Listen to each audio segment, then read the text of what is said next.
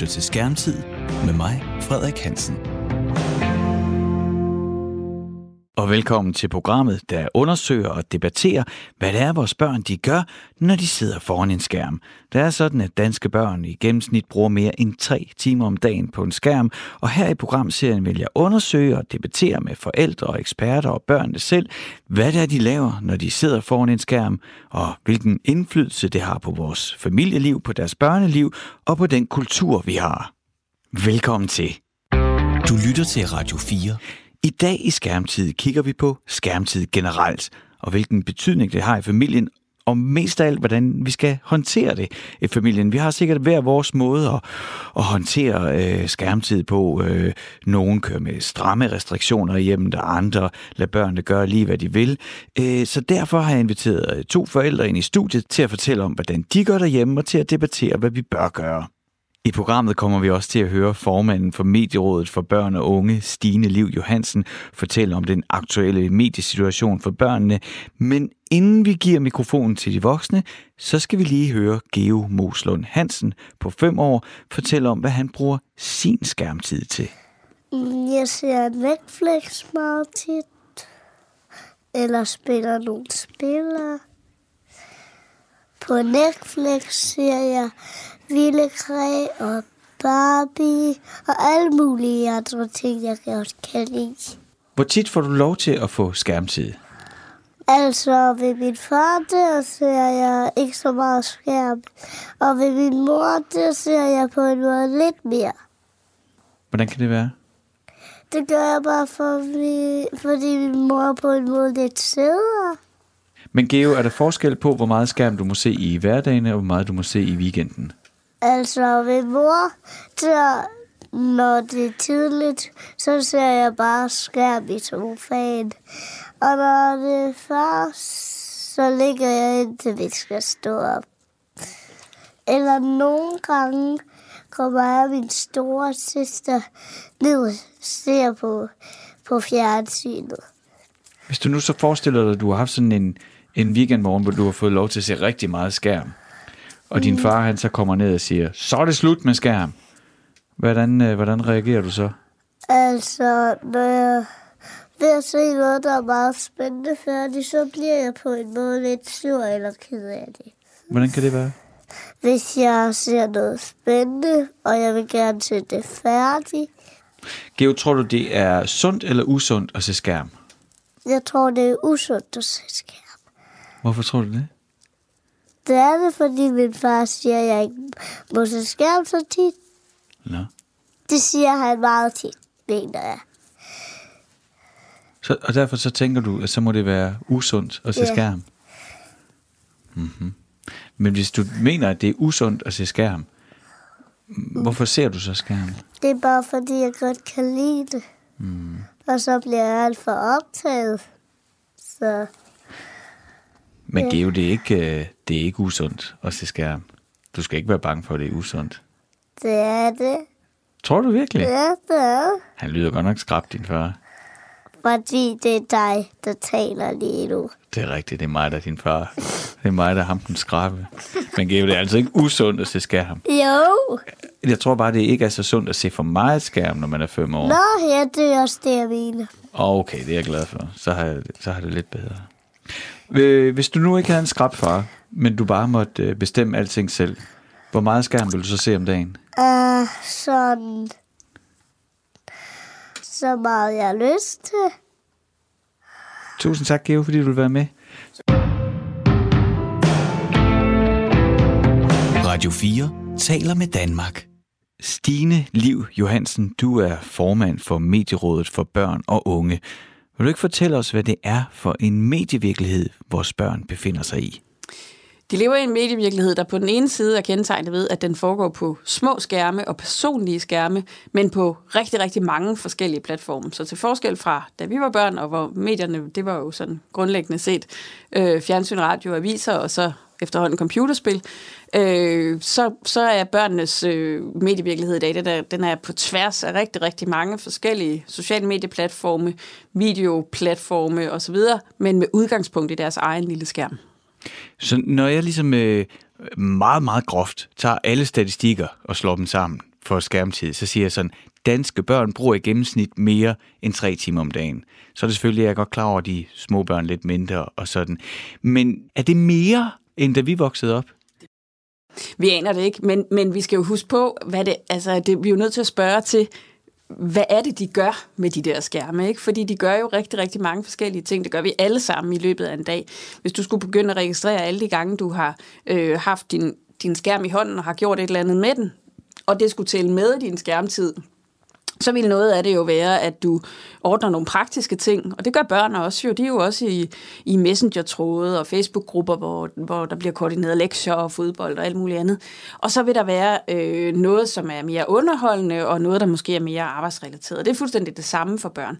Og derfor så, øh, så er det jo vel også på sin plads at anfægte hele det der begreb skærmtid, ikke? fordi det er i virkeligheden ikke særlig meningsfuldt, hvis man gerne vil forstå, hvad det faktisk er, der foregår. Så okay, så man kan sige, når vi sådan siger skærmtid, så, så, så hvis jeg forstår det rigtigt, så øh, dækker skærmtid over så mange forskellige aktiviteter, der kan være helt fra passiv til meget aktiv, til kreativ, til problemløsende, til på alle måder, at, at som begreb, der er det ligesom, hvad skal man sige, Ja, hvad kan man sammenligne? Jeg kan nærmest ikke finde på noget lige nu. Så Nej, og, og sagen er jo også, hvis vi, skal, hvis vi skulle sammenligne det med noget, da jeg voksede op. Jeg voksede op i, jeg er født midt i 70'erne, ikke? og voksede op og havde, havde blev teenager i 80'erne, og jeg talte rigtig, rigtig meget telefon. Og den tid, jeg brugte på, telef- på telefon, den skulle jo sådan set lægges oven i den tid, jeg brugte på tv og musik og alt muligt andet, hvis det skulle give mening at sammenligne med børns skærmtid i dag. Så derfor så, så, øh, så har vi, altså vi har ikke rigtig noget godt at, at, at sammenligne med når vi ikke som forældre selv er vokset op i, i sådan et liv, øh, i din mening, hvad skal vores øh, rolle som forældre så være? Jeg synes for det første egentlig, at vi bør som forældre lige altså prøve at vende det der argument om, for det kan godt være, at vi ikke er vokset op i den her digitale medievirkelighed, men vi lever jo i den i ekstrem stor grad. Ikke? Øh, og og vi, vi er jo rigtig mange, der bruger digitale medier rigtig, rigtig meget i vores arbejdsliv, og, og det er jo også forældregenerationerne, der for alvor har taget streamingtjenester on-demand tv og sådan noget til sig, og dyrker serieuniverserne osv., og, og dyrker de sociale medier også i en grad, så, og det er jo både forældrene og bedsteforældrene i en grad, så børnene de er jo flygtet for længe længst fra Facebook, fordi dem har, det har vi, øh, den platform har vi overtaget. Så, så forestillingen om, at, at der står nogle børn, som er bare helt inde i det her, over for nogle forældre, som ikke ved noget som helst om det, den tror jeg, vi skal prøve at lægge lidt fra os, og så egentlig kigge på, hvor er det, vi kan mødes, hvor er det, vi kan, hvor vi kan have nogle samtaler, som, som, hvor vi kan udveksle øh, omkring hinanden. Fordi det er klart, selvfølgelig er der forskel på det børn gør, og det voksne gør, men, men der er også rigtig, rigtig meget, som, som er det samme efterhånden. Grunden til, at jeg laver det her program, det er ikke fordi, at jeg enten vil have øh, børn og voksne til at se mere skærm eller mindre skærm. Jeg er virkelig øh, bare øh, optaget af at lave en platform, hvor vi som forældre kan tale og diskutere de her ting. At vi får skabt et eller andet fællesskab omkring de her skærme mellem børn og forældre, så børnene også stadig trygt kan gå til os som forældre, hvis de nu ser noget eller oplever noget. Øhm, kan du følge, øh, hvad jeg siger? Ja, men jeg, kan, jeg er 100% enig, og, og, og det er jo lige præcis også det, der er gået galt med den der forestilling om de digitalt indfødte. At vi troede, at de også bare havde styr på det. Øh, at vi troede, at det, det var de simpelthen mega gode til. Øh, og, og, og de er også gode til mange ting, men, men bare fordi, at man er flittig bruger af, af digital platform, så har man ikke nødvendigvis en forståelse af, hvordan de er bygget op, og hvad er det for nogle forretningsmodeller, der ligger bag, og hvad er det for nogle algoritmer, der styrer, hvad for et indhold du ser, og hvilken indflydelse har det på din, på dit daglige feed, og på din relation til dine kammerater osv. osv. Og det er jo der, vi skal hen og have den der samtale med dem. Og det kan godt være, at vi er nødt til at starte sådan lidt blidt, altså simpelthen øh, øh, sætte det på dagsordenen, sådan lidt, øh, lidt, lidt firkantet, og så egentlig bevæge os lige så langsomt ind i, i, i, øh, i børnenes verden, og i virkeligheden også lukke dem ind i vores. Mm. Øh, jeg synes, det er en vigtig pointe i, at... Øh, at øh, det vi hører fra, fra rigtig mange børn, det er jo ikke nødvendigvis, at, øh, at deres eget liv bag skærme er, er voldsomt problematisk, men at de er faktisk rigtig kede af, at deres forældre bruger så meget tid bag skærme, mm. øh, og de ikke ved, hvad de laver, og hvorfor er det, at de ikke har tid til at snakke med mig. Og det kunne man jo starte med i virkeligheden, og øh, sætte ord på, hvad det er, man laver, og ud fra det lave nogle aftaler øh, i familien om, hvornår, hvornår skal vi bruge de her skærmer, hvornår skal vi ikke. Øh, og der kan man jo godt for et helt lille barn også sige, jamen, jeg er nødt til lige at, at, at skrive den her besked, det jeg skal skrive den til Bjarne hen fra mit arbejde, og det ham har du mødt dengang vi var inde på, dengang du var med mig på arbejde, og, sådan, og sætte ord på, sådan helt konkret, hvad er det, jeg gør, og hvorfor er det vigtigt? Jamen det er, fordi Bjarne sidder og venter på mig, og når jeg er færdig med at skrive til Bjarne, så skal vi to lave noget andet. Du lytter til Radio 4. Med mig i studiet har jeg nu to forældre. Jeg har øh, Kat Lundby Christensen. Du er mor til Atlas på 5,5. Og så har Anders Søndergaard. Du er, øh, jeg skulle lige til at sige mor, men det er du ikke. Du er far til øh, Isa på 8 og Ane på 12. Ja. Kat, vil du ikke lige starte med at fortælle mig, hvad er en god barndom? Hvad synes du, en god barndom består af? Åh, oh, det er. Øh, Jeg kan i hvert fald sige, at jeg har haft en god øh, barndom selv. Øh, og der var øh, rigtig mange mennesker, fordi vi var tre søskende og to forældre og en masse mennesker ind og ud af døren. Og så var der en øh, lukket vej, hvor man kunne øh, øh, lege hver aften på. Og det er faktisk noget af det, som jeg husker allermest fra sådan min egen lykkelige barndom. Det er faktisk den der lukkede vej. Jeg husker det som om, at det var hver dag fra øh, aftensmad, og så til sådan noget 1945 blev vi kaldt ind, at man legede derude. Så det er sådan et barndomsritual for mig. Og nu griner jeg lidt, fordi jeg selv bor på fjerde sal med mit, øh, med mit øh, ene barn, øh, Atlas, og jeg øh, tænker jo også, at han har en øh, super fin og, øh, og lykkelig barndom, men det har noget, noget at gøre med alle de gode relationer og traditioner, øh, vi lykkes med at få ind i øh, vores liv, selvom vi bor på fjerde sal, og det ikke er på en lukket vej. Anders, når du øh, tænker på, hvad en god barndom er, hvad tænker du så? Måske er det, fordi vi og skal snakke om skærme. Øh, men det første, jeg tænkte, det var frisk luft. øh, men jeg er nok farvet af den her præmis for det, vi skal snakke om. Øh, men jeg tænker helt klart, en god barndom er noget, hvor man øh, bevæger sig sammen med andre mennesker udenfor. Mm. Øh, det, er, det, det er sådan det, der står tydeligst for mig, også måske det fra min egen barndom. Øh, men så handler det allermest om leg. Og leg, det behøver ikke nødvendigvis med at være med en sten og en pind ude i skoven. Det kan være alle mulige andre steder også. Ikke? Øhm, så glæde og leg, tror jeg nok, er det, der definerer en god barndom. Ja, jeg kan godt genkende det, siger, at jeg er vokset op i Horsens, mm. i Mimersgade, som jo i virkeligheden var social boligbyggeri, men det anede vi jo ikke. Mm. Altså, det var, vi, altså, det var jo verdens bedste opgang, jeg boede i, i verdens bedste kvarter, mm. i verdens bedste by, med verdens bedste legeplads. Ikke? Jeg har været tilbage og kigge, det var det ikke. Nej. og, de, og de mennesker, der var til stede, det var bare de eneste, man kunne vokse op med. Ja. Ikke? Men øh, i den her snak, vi har her øh, i programmet, der hedder Skærmtid, der er der 100% fravær af skærm. Mm. Men øh, det er jo sådan, at, øh, og det har jeg sagt tusind gange i det her program, at danske børn bruger i gennemsnit mere end tre timer på en skærm. Kat, hvordan harmonerer det med din idé om en god barndom? Jamen, helt vildt dårligt, for at være ærlig. Øh, og det er ikke sådan et eller andet heldigt om, at mit barn ikke ser øh, tre timer skærm hver dagen. Det, det tror jeg sgu godt, han kan snige sig op på en gang imellem. Øh, men jeg har simpelthen i vores, øh, eller i min intuitive tanke om, at en god barndom er, øh, jeg også øh, leg, men samvær og øh, nogle ritualer og nogle ting, som bare er i forbindelse med andre mennesker. Der er simpelthen så svært ved at få placeret skærmen som en lykkelig del af den. Øh, og det er heller ikke, bare for at være helt ærlig, de lykkelige øjeblikke i, øh, i min og Atlas' øh, relation, at jeg sætter ham til at se skærm. Altså, det, det er sjældent en mor i plus, der ligesom enten velsigner, eller øh, øh, på en eller anden måde, sådan, altså, der opdager, at han, at han sådan, øh, er gået i skærmen. Så jeg forbinder det ikke med noget lykkeligt. Det skal jeg lige forstå. Så, så det du siger, det er, altså, i det øjeblik, du føler, at du har overskud derhjemme ja. sammen med Atlas, så er det ikke skærmen, der bliver brugt. Men hvis du er en lille smule i underskud, eller har brug for tid til dig selv, så er den belejlig. Er det rigtigt forstået? Ja, det er 100% øh, rigtigt forstået. Ja, altså, jeg øh, øh, bor ikke sammen med Atlas' far, så jeg er jo utrolig meget øh, alene med Atlas. Øh, og det er da 100% øh, min barnepige. Hmm. Ja. Anders, kan, kan skærmen godt være en, en del af en god barndom? Ja, det kan det helt klart. Altså, jeg, jeg er enig med det, som Kat siger, om at, øh, at det faktisk ofte bliver, bliver sådan en, en ting, man gør, når man ikke har overskud til at gøre et muligt andet. Men der findes også perioder, hvor man kan hvor jeg i hvert fald oplever, at det bliver det modsatte. Det er også, altså, det er også skærmen, der giver anledning, anledning til leg, eller til inspiration. Øh, og det synes jeg er super fedt. Vil du give altså, nogle eksempler på det? Jo, øh, fra mit eget liv. Jeg selv voksede op med at spille computer. Ikke specielt meget, men, men blev faktisk dygtig til at noget, der sådan lignede en tidlig programmeringsevne øh, ved at bruge en computer, da jeg var 10.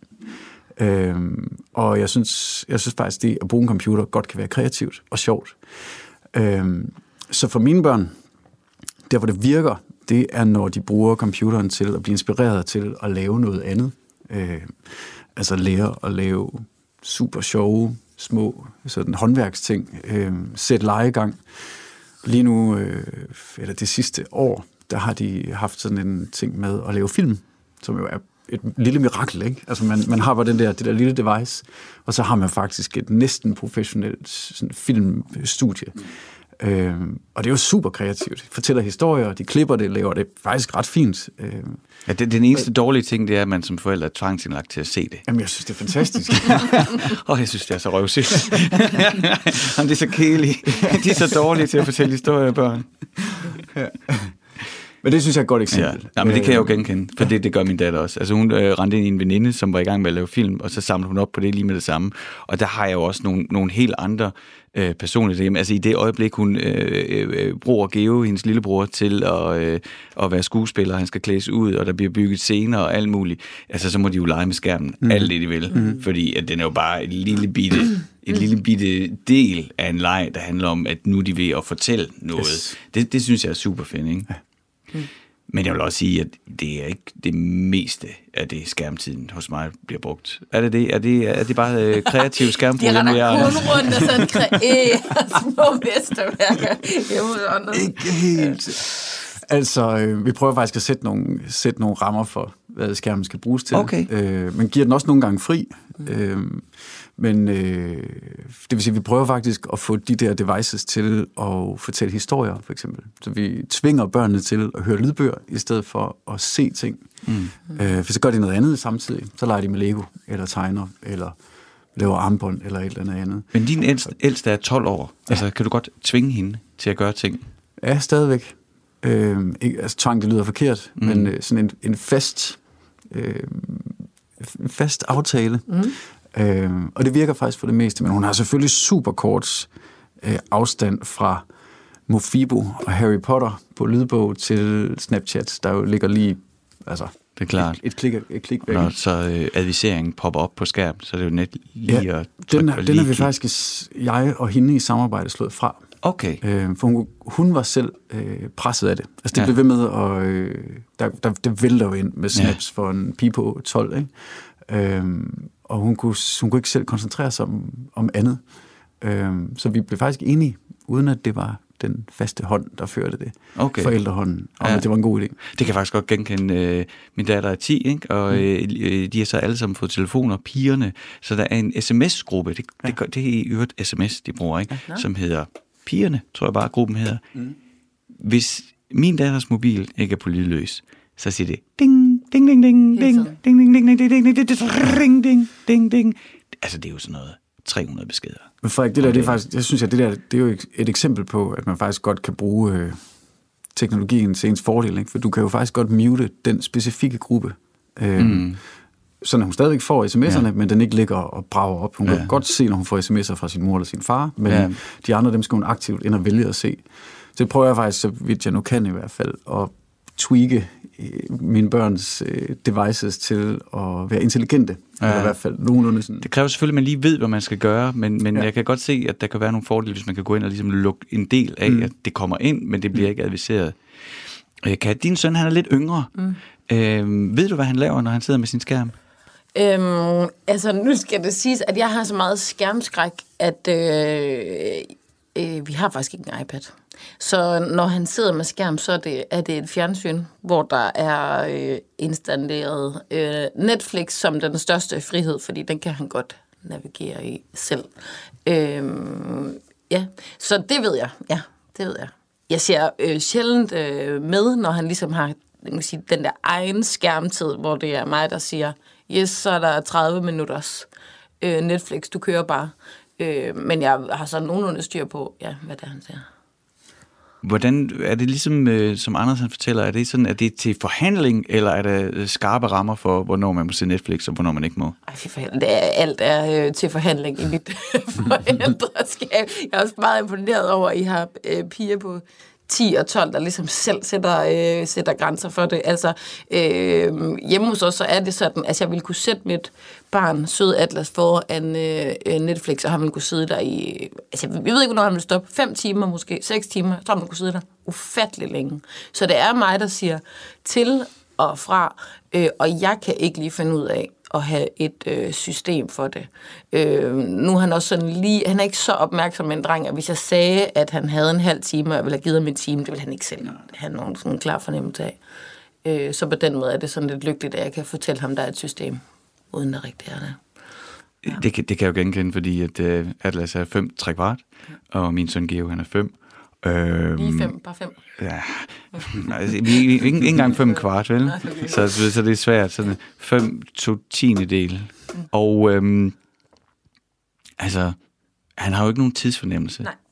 når han sidder det der Netflix. Men har du bemærket, eller er det kun her, at, øh, at der er øh, skærmtømmermænd? Har I mm-hmm. oplevet det? Mm-hmm. Anders, du nikker. Prøv lige at fortælle. Ja, totalt. Altså, hvis, hvis jeg forstår skærmtømmermænd, som... Øh, hvis jeg forstår det rigtigt, så, så, er, det, øh, så er det den der øh, konflikt, der opstår bagefter, ja. hvor, ja. hvor, hvor man... Jeg tror også, jeg kender det fra mig selv, faktisk. Man er kommet ind i sådan en modus som barn, mm. øh, hvor man faktisk er blevet lidt doven, lidt træt, øh, og, og alt, der ikke har noget med, med sådan passiv forbrug af, af underholdning, er faktisk lidt belastende. Ja. Og det vil sige, det sker jo ofte øh, lige op til aftensmaden. Ikke? Mm. Øh, ja. Det er i hvert fald tit der, hvor mine børn de får lov til det, og de at bruge lidt tid. Og så opstår der faktisk ofte sådan lidt en dårlig stemning og nogle konflikter omkring den der setting der.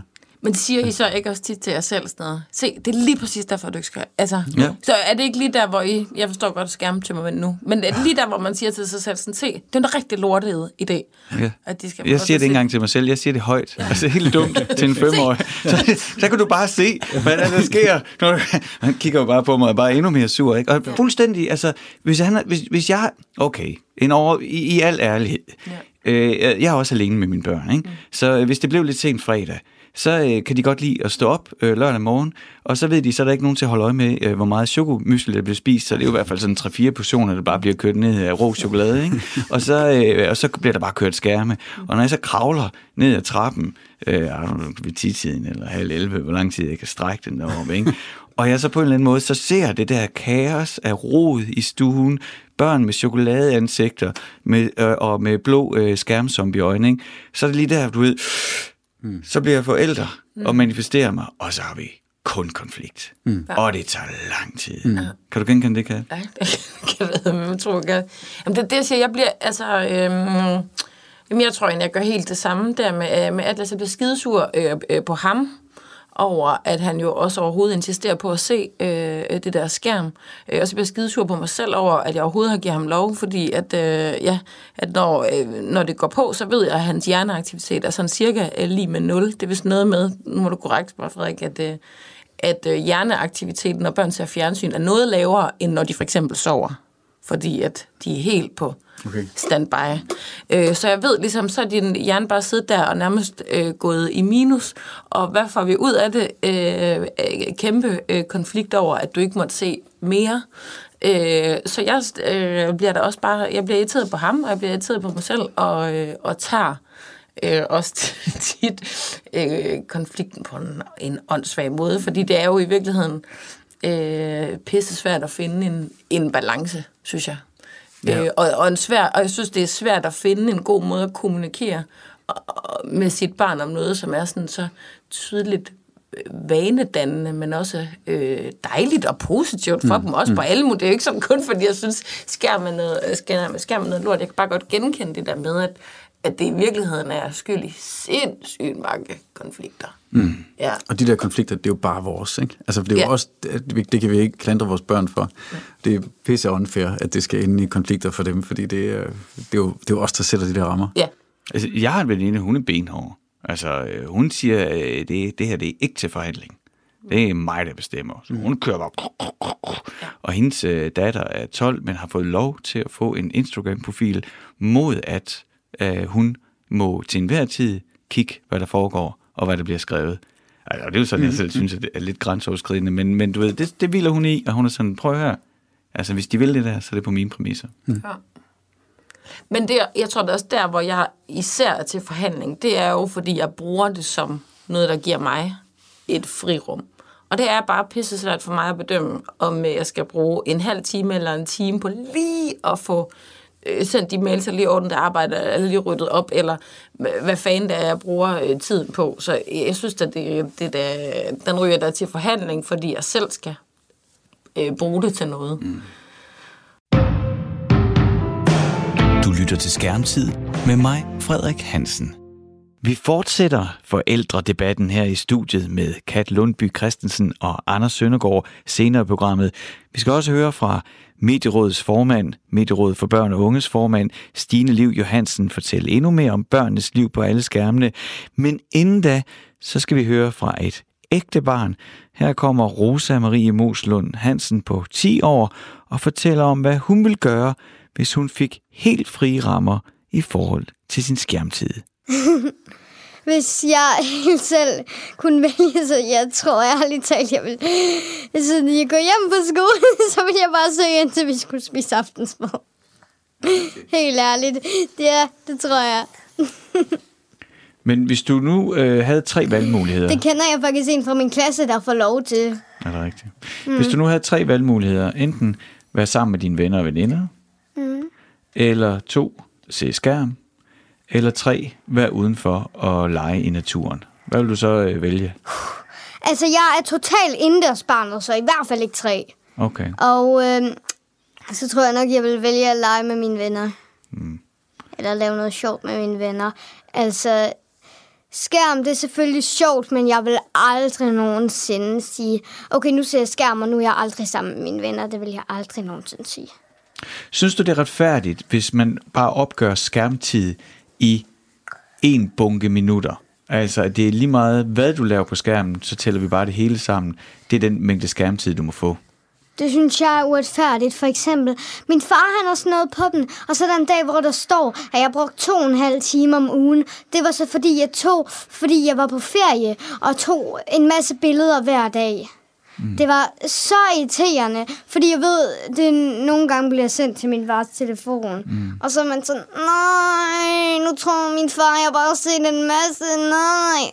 Men øh, skal jeg forstå det rigtigt? Det du siger, det er, at der er forskel på at se Netflix og på at bruge sin øh, iPad eller telefon til at tage billeder med. Ja, virkelig stor, synes Prøv at fortælle mig om forskel. Prøv at fortælle mig de forskellige Altså- ting. Altså, hvad, hvad mener du Altså for forskellen er? eksempel Netflix, så ser man bare noget, man laver ingenting. Men hvis man tager billeder, så er det jo fordi, der er noget, man gerne vil huske. Mm-hmm. Der er virkelig stor forskel, synes jeg. Ja. Er der andre ting, hvor du synes, der er stor forskel på, hvad man gør på sin iPad eller telefon? Um, ja, for eksempel, øh, nu kom jeg lige i tanke om, um, altså, jeg kan rigtig godt lide at lave de der stop-motion film. Jeg har faktisk sådan en stop-motion film app. Jeg laver rigtig mange af dem med min lillebror. Mm-hmm. Og øh, han lægger stemme til nogle af dem, men han bliver lidt nervøs, når han gør det. Mm. Men er der forskel men, på... At... Ja, jeg synes virkelig, der er forskel. Fortæl mig om det. Jeg synes virkelig, der er forskel, fordi hvis man laver en film, så er det jo noget, man optager og har det sjovt med, og så er man stadig ude i den virkelige verden. Men hvis man så bare sætter sig ned og ser noget og laver ingenting, der er stor forskel. Hvad er forskellen? Forskellen er jo, at... Ja, forskellen er jo, at man sidder og la- man laver jo noget, og jeg synes også, det er vildt sjovt at sidde og redigere i de der film, og lægge stemmer og sådan noget. Og det siger min far også, det må vi altid, hvis vi har lyst. Øhm, ja. Så det vil sige, at der er forskel på, om man laver noget kreativt med sin telefon, eller laver den, bruger den Ja. til noget, mm. eller om man sidder og ser en serie. Ja. Jeg synes, der er stor forskel. Rosa, nogle gange, øh, hvis man har set rigtig meget skærm, Mhm. mm. og så ens mor eller far kommer og siger, du skal stoppe nu. Hvordan føles det så? Altså, jeg bliver selvfølgelig irriteret, men ikke lige så meget som min lillebror. Han kan begynde at græde og skrige helt vildt og sige, jeg vil se det. Jo, men lad, hvis, vi nu ikke, hvis vi nu ikke taler om din lillebror, men vi taler om dig, vil du ikke så fortælle mig, hvordan det føles, når din mor eller far kommer og siger, Mm. Jo, slut? altså, jeg bliver irriteret. Jeg kan godt sige sådan, ej, helt ærligt, mor, eller ej, helt ærligt, far. Eller, jeg er altså lige i gang med noget spændende.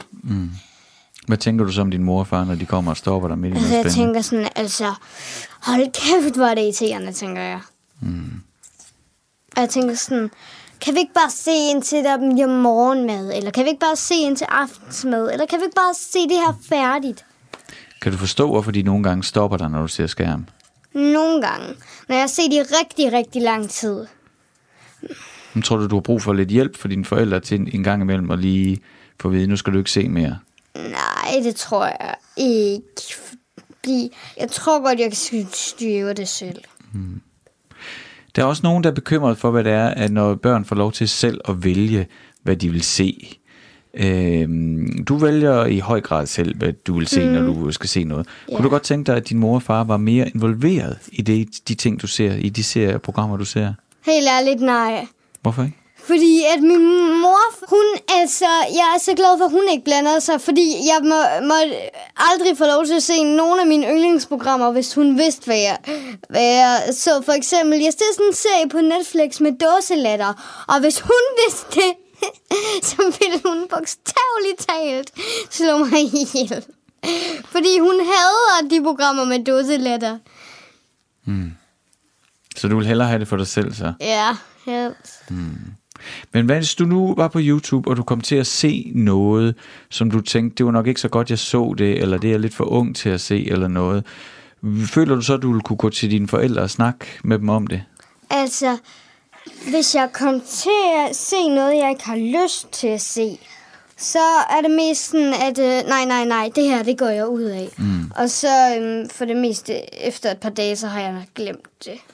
Men mit spørgsmål er, om det var noget, du, hvis du har set noget, som gjorde dig bange eller ked af det eller noget, Altså- vil du så tale med dine forældre om det, eller vil du holde det hemmeligt? Altså, hvis der virkelig skete noget, der gjorde mig rigtig bange og ked af det, så ville jeg selvfølgelig tale med mine forældre. Rosa Marie Moslund Hansen, tak fordi du var med i Skærmtid. Det var så let. Du lytter til Skærmtid med mig, Frederik Hansen. I Skærmtid i dag diskuterer vi skærmtid generelt. Hvordan håndterer vi skærmene derhjemme i familien? Hvilke regler har vi? Og, og hvordan skal vi som forældre navigere i og hjælpe vores børn med at navigere i deres medievirkelighed? Det råd, man næsten altid får som forældre, er, at vi skal sætte os sammen med vores børn og sætte os ind i deres medieverden. Men Stine Liv Johansen, formand for Medierådet for Børn og Unge, kan du ikke godt forstå, at det også kan være nærmest uoverskueligt at skulle tage den opgave som forældre? Jamen, det er enormt svært, og vi ser jo også lige nu nogle politikere, der for eksempel for nylig var sundhedsministeren ude og sige, at vi skulle have anbefalinger netop om skærmtid.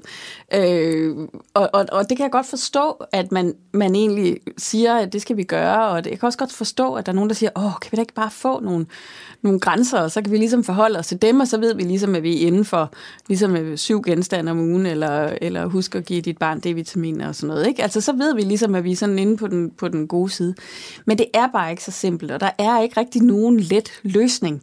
Øh, til gengæld så er der rigtig mange ting, man kan gøre for at få etableret den der samtale, også med ganske små børn. Øh, og det handler jo også om, at man nogle gange får de der, altså jeg siger, altså skærmtid ved middagsbordet, får skærmene frem i lyset. Mm. I stedet for, at vi sidder i hver sit hjørne med dem, og i stedet for, at det kun er det, barnet får, eller at barnet kun får skærmen, når vi skal lave mad. Og det kan jeg godt forstå, at man har behov for. Det, altså, da mine børn var, var små, der sad de jo også med Disney Channel, eller, eller hvad nu end de så øh, om eftermiddagen, når der skulle laves mad. Men men lad os få det frem i lyset, sådan så vi kan snakke om det. Og lad os nogle gange lade det være aktiviteten. Mm-hmm. Lad, det, lad det nogle gange være det, vi mødes om. At vi sætter os ned og ser de her øh, programmer med hinanden, og har de her snakker om, hvad det er, hvad det er de ser. Og måske hjælper dem med at, at komme videre fra den øh, fe-serie, de ser på Netflix, til at kunne vi, kunne vi tegne noget, kunne vi klæde os ud, kunne vi lege noget, kunne vi altså understøtter deres, øh, deres øh, medieleje også på, på den måde. Og det kan man jo gøre, fra de er, fra de er ganske, ganske små. Sådan, så det ligesom altså bliver normalt, at mm. det her kan man godt snakke om i familien. Jeg er også øh, født midt i 70'erne og øh, gik i skole gennem 80'erne. En dag inde i vores klasseværelse øh, var der nogen, der havde sat en plakat op, som vi sad og kiggede på. Og det var en pyramide. Det var kostpyramiden. Mm. Ikke? Så var der, jeg, øh, jeg, jeg, som jeg husker det, så var der brød og korn og havre i bunden. Så var der kød og, nej, hvad det? Så var der frugt og grønt øh, i midten, ikke? og så noget kød og fisk på toppen. Det var vel noget, vi gjorde som samfund, fordi at, man, at vi ikke var så oplyste omkring det, vi puttede i munden. At vi må ligesom starte et sted, så starter vi med ungerne.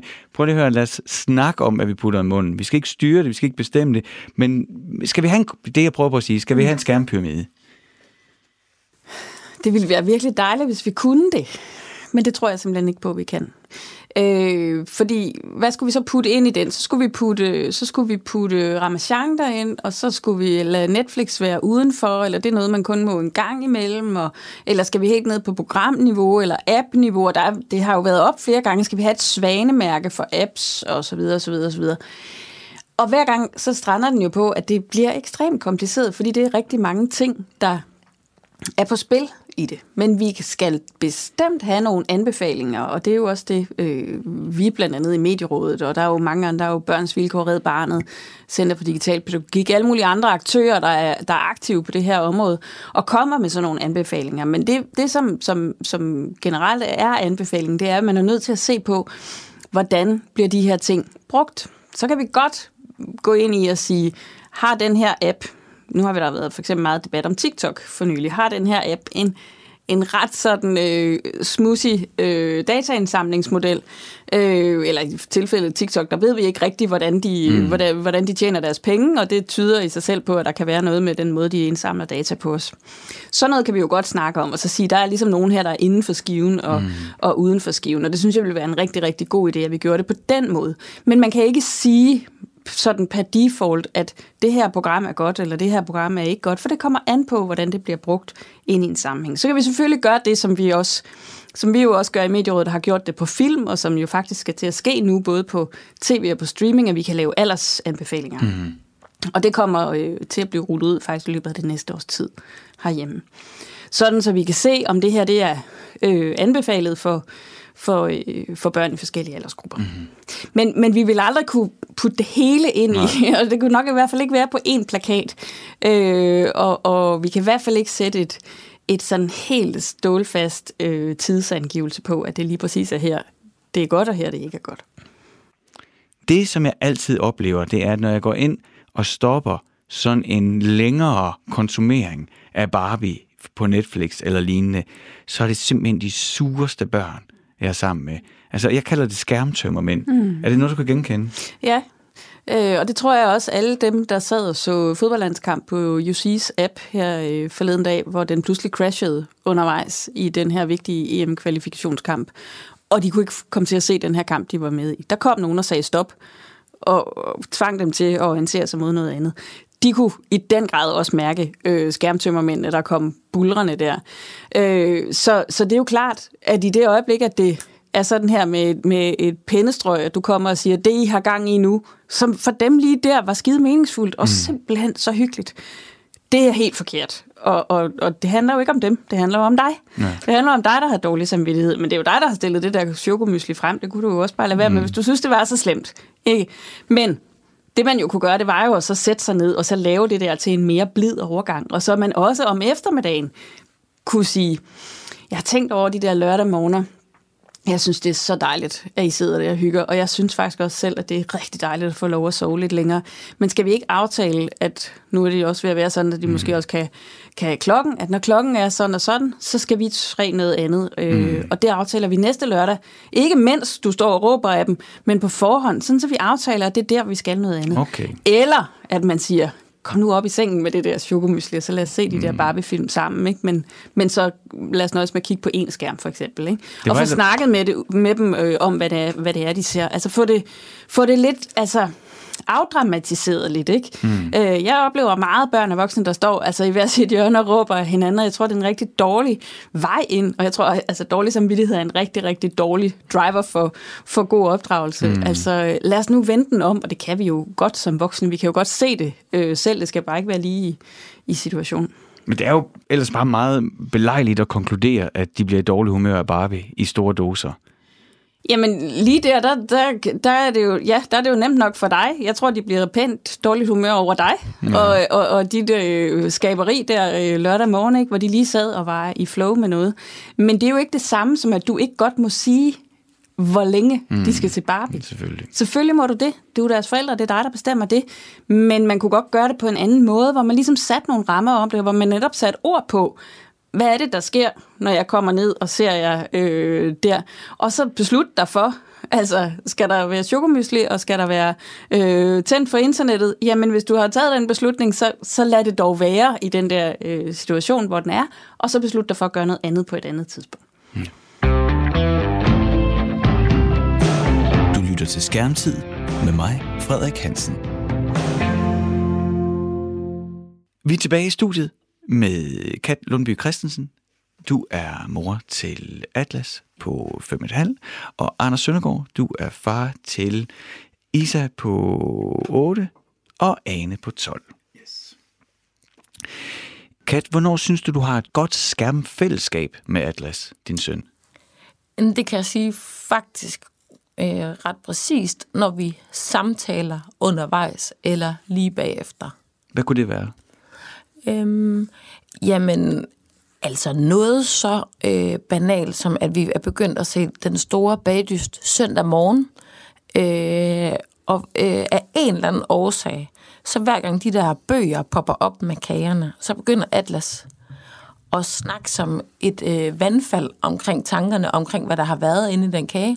Og når øh, programmet er slut, øh, så har han et eller andet kageprojekt inde i hovedet, som vi skal forløse. Mm. Og det gør jo rent faktisk, at det program, uanset at det måske heller ikke er den store indhold, øh, så har det alligevel skabt noget, mig og ham har sammen.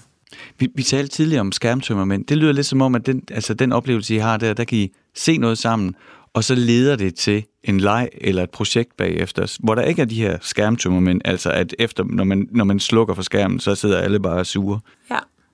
Det er også rigtigt. Altså, I hvert fald ikke på... på øh, jeg tror også, der er noget i, at jeg har siddet og set det med ham, som er en, en ret afgørende præmis for, at vi slukker, og så skal vi begge to noget andet. Mm. Øh, hvorimod, hvis jeg har sat ham foran øh, øh tv-barnepigen, og jeg siger til ham, at han skal slukke, så er han lidt alene om, ja. om den leg. Vi kommer lidt fra to forskellige steder. Det tror jeg er en, en forskel. Det er en god pointe. Ja. Og, og så kan man sige, når han ser noget selv, så, øh, så er det jo også selvfølgelig noget, øh, der kommer fra et andet gear. Så er, der, så er det lige pludselig rigtig stille, når det bliver slukket. Anders, øh, hvornår synes du, du har et godt skærmfællesskab med dine døtre? Øhm, jeg tror bedst, jeg måske kan give dem, øh, forklare det med to eksempler. Jeg sad lige og tænkte på det, mens du talte, Kat. Øhm, øh, I går aftes, der, der var jeg alene hjemme med mine to børn, øh, og så øh, lavede vi tv-dinner, hvilket jeg jo sådan i, i princippet er imod. Ikke? Jeg vil gerne snakke med mine børn, når vi spiser. Øh, men vi, vi kom alle sammen sent hjem og lavede hurtig aftensmad og sådan noget. Så det var, det var faktisk meget mega hyggeligt. Og så så vi tre, de sidste tre øh, afsnit af DR Ultra Nyt. Hvad hedder det? Mm, Ultra Nyt, ja. ja. Øhm, og det er jo et perfekt eksempel på tv, som man kan bruge til noget. Altså bruge til at diskutere noget med. Ikke? Øh, og det synes jeg, det synes jeg er super fedt.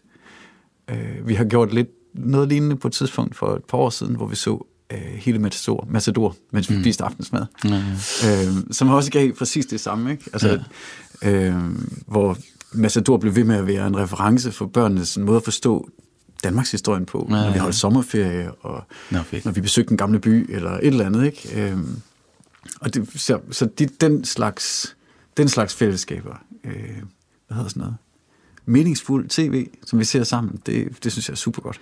Det er meget sjovt med Matador, og øh, øh, når mine øh, børn de skal ned og sove nede ved bedstefar, nede ved min far, ikke, så er det også 100% øh, forbundet med, at de skal se en Olsenbanden-film. Ja. Ikke? Fordi de kan også se, hvordan han er i spil. Ja. Så det er jo altså, jeg synes det er, altså, jeg prøver, forsøger i det her program ikke øh, bare at, øh, at tale om alt det negative, mm. og uh, og at vi skal være bange og sådan noget. Altså, der er jo også, der er jo nogle, vi har jo selv nogle stærke minder, mm. øh, som virkelig er undværet af, af, af tv, og der kan jo være nogle stærke fællesskabsoplevelser mm. omkring tv'et. Men det er klart, at øh, i Danmark er det sådan, at øh, så kan du, øh, det må, kan du måske bekræfte, Anders, og øh, du kan glæde dig til det, Kat, at omkring 9-årsalderen, det er så der, man får sin smartphone. Og med den, der er der også et headset. Og så begynder ens eget i virkeligheden selvstændige medieliv, hvor man ikke kan høre med, og man behøver ikke engang råbe med at skrue ned, fordi det foregår alt sammen i headsettet. Mm. Øhm, er det noget, vi skal være bekymret for, Kat?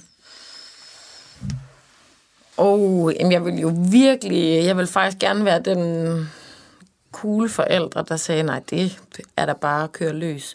Jeg tror, mm, Jeg tror faktisk, der er en lidt vigtig sandhed at sige, der er jo kæmpe stor forskel på børn og familiekonstellationer. Øhm, og måske på, hvad et øh, medie kan betyde for børn. Og det tror jeg er ekstremt vigtigt at være opmærksom på. Øh, altså for eksempel, jeg har faktisk et, et introvert øh, barn, meget mærkeligt for mig, men jeg har et introvert barn, øh, som også er ene barn. Og derfor er jeg jo også super opmærksom på, at hvis det første, som er vildt glad for, at han er kæmpe glad for at skærme. Øh, men jeg tror da, jeg skal være ret opmærksom på, at hvis han øh, fik lov, så når han kom hjem fra skole, og han får sin egen øh, telefon, så tror jeg da gladeligt, han vil sætte sig der, for han fik fri, og til han skulle i seng. Og, og fordi han ikke har nogen øh, søskende, og fordi han ikke øh, er født med et kæmpe behov for at, at snakke med andre mennesker, så tror jeg godt, at det kunne udgøre hans øh, liv.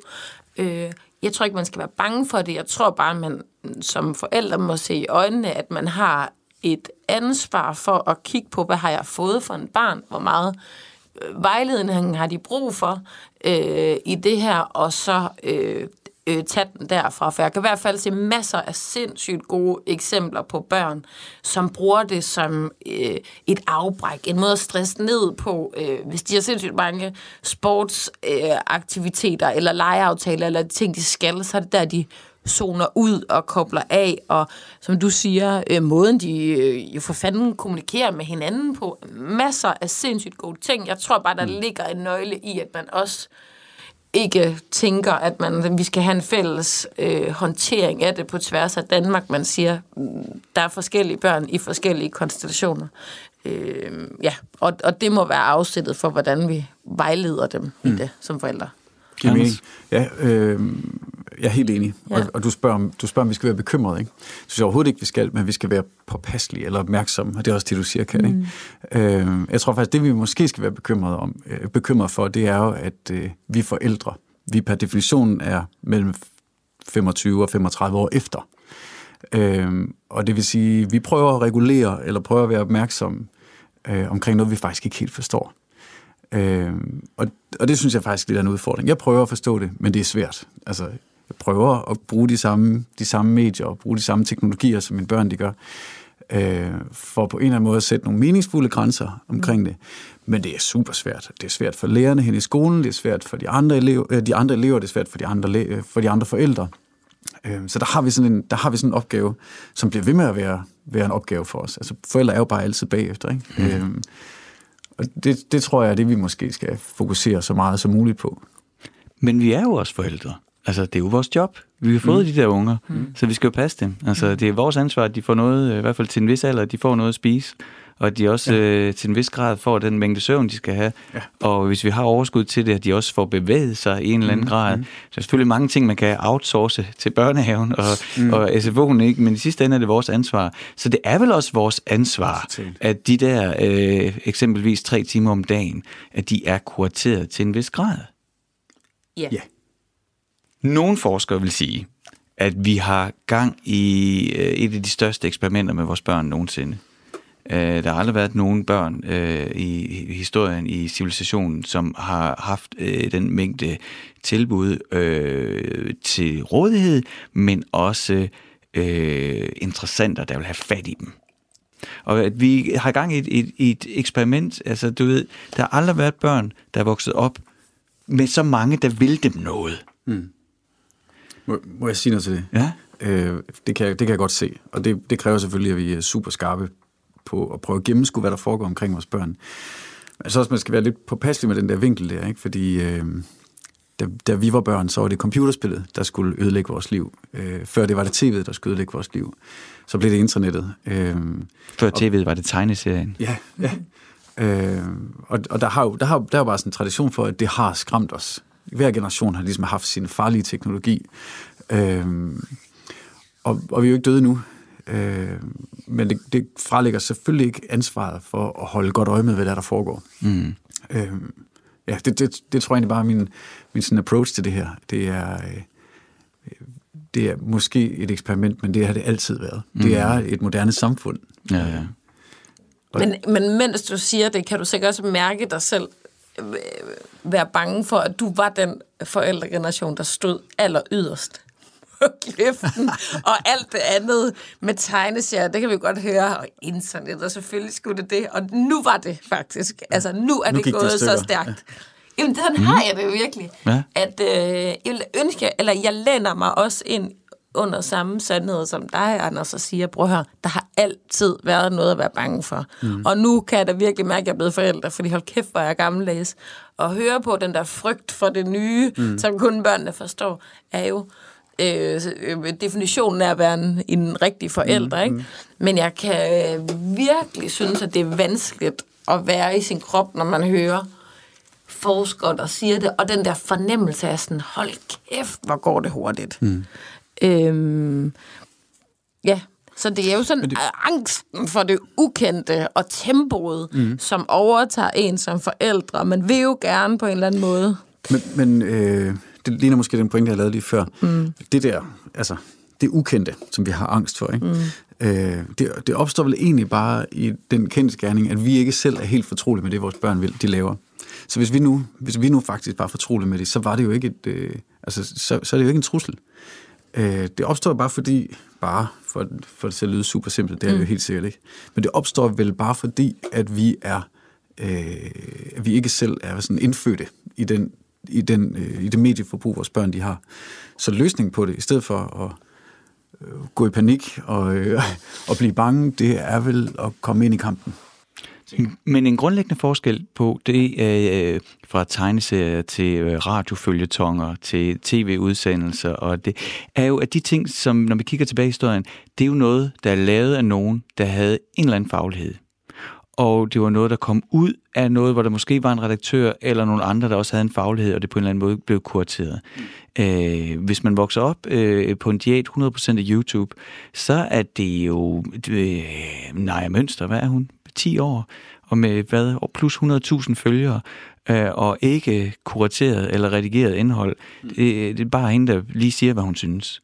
Øh, et skræk eksempel på det, og det, det er jo, man er jo allerede tabt, når man må, må hive øh, sådan et skræk eksempel. Men, men mange kender sikkert den her øh, reality-karakter, får man næsten lyst til at sige, Fie Laursen, som jo har delt mange ting med piger i, øh, med din, på, på alder med dine øh, døtre, Anders, omkring, øh, hvordan øh, man hurtigt kan tabe vægt. Øh, altså ting, som jo aldrig nogensinde var blevet godkendt af nogen redaktion nogen steder, hvor man skulle stå til ansvar for det, men det er rent faktisk indhold, hvor ingen står til ansvar. Hvad tænker I om det? Det er sgu et godt spørgsmål. Det, øh, altså igen, så, så, så er standardsvaret, men det bliver måske faktisk lidt hult efterhånden, det er jo, at man som forældre bliver nødt til at engagere sig i det. Ligesom alt muligt andet, man som barn bliver eksponeret for. Men vi kan jo ikke se kanaler. det hele hele tiden. Nej. Nej, men jeg, jeg synes, at der er en vigtig pointe i, at altså, prøv at børn, og selv inklusiv vores forældre inklusiv, er jo altid blevet udsat for ligegyldigt øh, lort og dårlige påvirkninger. Og jeg ved ikke om... Altså, der har jo altid øh, fundet øh, øh, skidtknægte i, øh, i film, eller i skolen, eller, eller øh, hvad nu man siger. Altså, så der har der altid været negative påvirkninger, eller hjernedøde påvirkninger. Mm. Øhm, øh, og der må man jo som forældre stole på, at man på en eller anden måde har givet sit øh, barn nok selvværd med i ballasten til, ja. at hurtige vægttab er øh, øh, åndssvage. Øhm, men det, altså, jeg tror da bare, det highlighter da bare, at der er en stor del af, af opdragelse, der det at klæde sit barn på til livet, som ligger uden altså ude for øh, øh, skærmtiden, som på en eller anden måde skal ruste dem til at tage imod øh, ja, nu kalder jeg det hjernedød, undskyld, øh, filafsten påvirkninger. Men jeg tror nu altid, de har været der. Mm. De ting, vi skærmer vores børn imod, Ja. igennem deres enormt robuste personlighed. Og du sagde det også, du sagde det også lidt før, Frederik. Ikke? Altså, det er jo ikke, det er jo ikke tech-virksomhederne eller mediernes opgave at opdrage vores børn. Altså, og det, hvis, hvis, vi kan over, hvis vi tror, vi kan overlade dem til det, så, mm. så er der nok noget ved forældreopgaven, som du sagde før, vi har misforstået. Ikke? Øh, altså, Og du ved, man kan jo tage den hele derud, så kan man sige, vi, jo heller ikke, vi kan jo ikke kontrollere eller kuratere, hvad der sker i skolegården, og hvad man taler med hinanden om. Ikke? Så der må vi også ligesom krydse fingre at på, at vi har gjort det godt nok, øh, givet dem godt nok med i bagagen til, at de kan navigere. ja. Ja. Kat Lundby Christensen og Anders Søndergaard. Tak fordi I kom med i Skærmtid. Selv tak. Tak. Du lytter til Skærmtid med mig, Frederik Hansen. Programmet er ved at være slut for i dag, men hvis du ikke fik det hele med eller vil genhøre det, så kan du finde det som podcast, der hvor du henter din podcast, eller på vores hjemmeside radio4.dk. Programmet er produceret af Frederik Hansen for Radio 4